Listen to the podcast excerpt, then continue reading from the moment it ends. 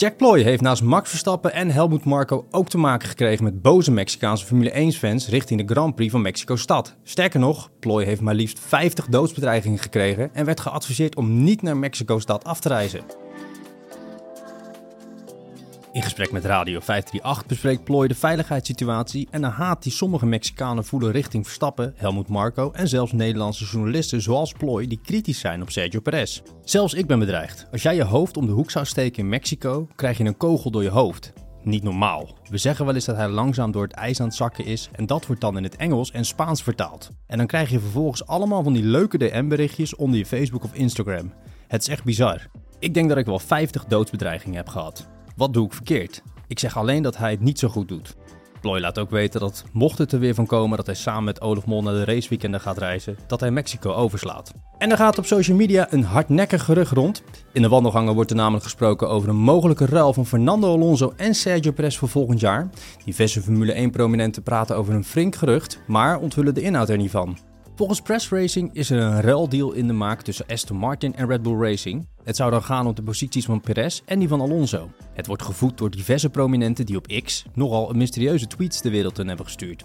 De Spaanse Formule 1-journalist Albert Fabrega was de eerste die meldde dat er in de paddock wat speelt. Ik wil het gerucht niet geloven dat ze mij nu in de paddock hebben verteld. Nee. Daarmee hint de Spanjaard op iets groots dat ons te wachten staat. Uiteraard blijft dit een gerucht, maar wat zou jij van een Alonso en Perez-ruil vinden? En het team van Red Bull Racing slaat de handen nemen met Team Redline, het simrace team waar Max Verstappen voor uitkomt. De twee partijen gaan na de fusie door als Oracle Red Bull Sim Racing. In 2022 werd Team Redline al partner van Verstappen.com Racing en vandaag is bekend geworden dat Red Bull Racing zich ook aansluit. De renser zal dan ook als één team uitkomen in het Formula One eSports Series Pro Championship. Via president Mohamed Ben Sulayem heeft wat tekst en uitleg gegeven over waarom de maximale boete voor coureurs in de Formule 1 is verhoogd naar 1 miljoen euro. Volgens hem was dit niet aangepast sinds Jurassic Park. De FIA bracht eerder deze maand de beslissingen naar buiten die zijn genomen tijdens de derde bijeenkomst van de World Motorsport Council dit jaar. Veruit de meest opvallende beslissing was dat de stewards in de Formule 1 vanaf nu boetes tot 1 miljoen euro aan de coureurs mogen opleggen. Dit bedrag lag jarenlang op 250.000 euro, maar dit was volgens de FIA niet langer in lijn met de behoeften van de autosport.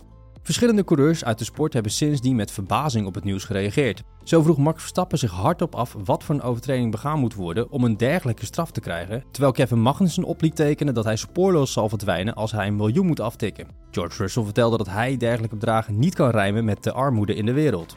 Ook wilde hij, en met hem vele anderen, weten waar het geïnde boetegeld van de FIA eigenlijk heen gaat. De prijs van alles is omhoog gegaan. De teams praten nu over miljarden qua hoeveel elk team waard is. En wij hebben onze reglementen niet meer verbeterd sinds Jurassic Park, klinkt het. We zeggen niet je moet betalen, we zeggen maak deze onnodige overtredingen niet. Als je dat niet doet, krijg je het ook niet.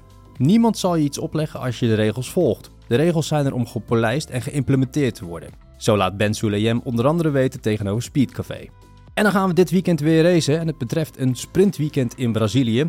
Vrijdag 3 november gaat de eerste en enige vrije training om half vier in de middag van start. Om 7 uur is het dan vervolgens tijd voor de kwalificatie voor de hoofdrace van zondag. Zaterdag 4 november vindt de sprint shootout om 3 uur plaats en om half 8 is het tijd voor de sprintrace. Zondag 5 november vindt de Grand Prix van Sao Paulo plaats.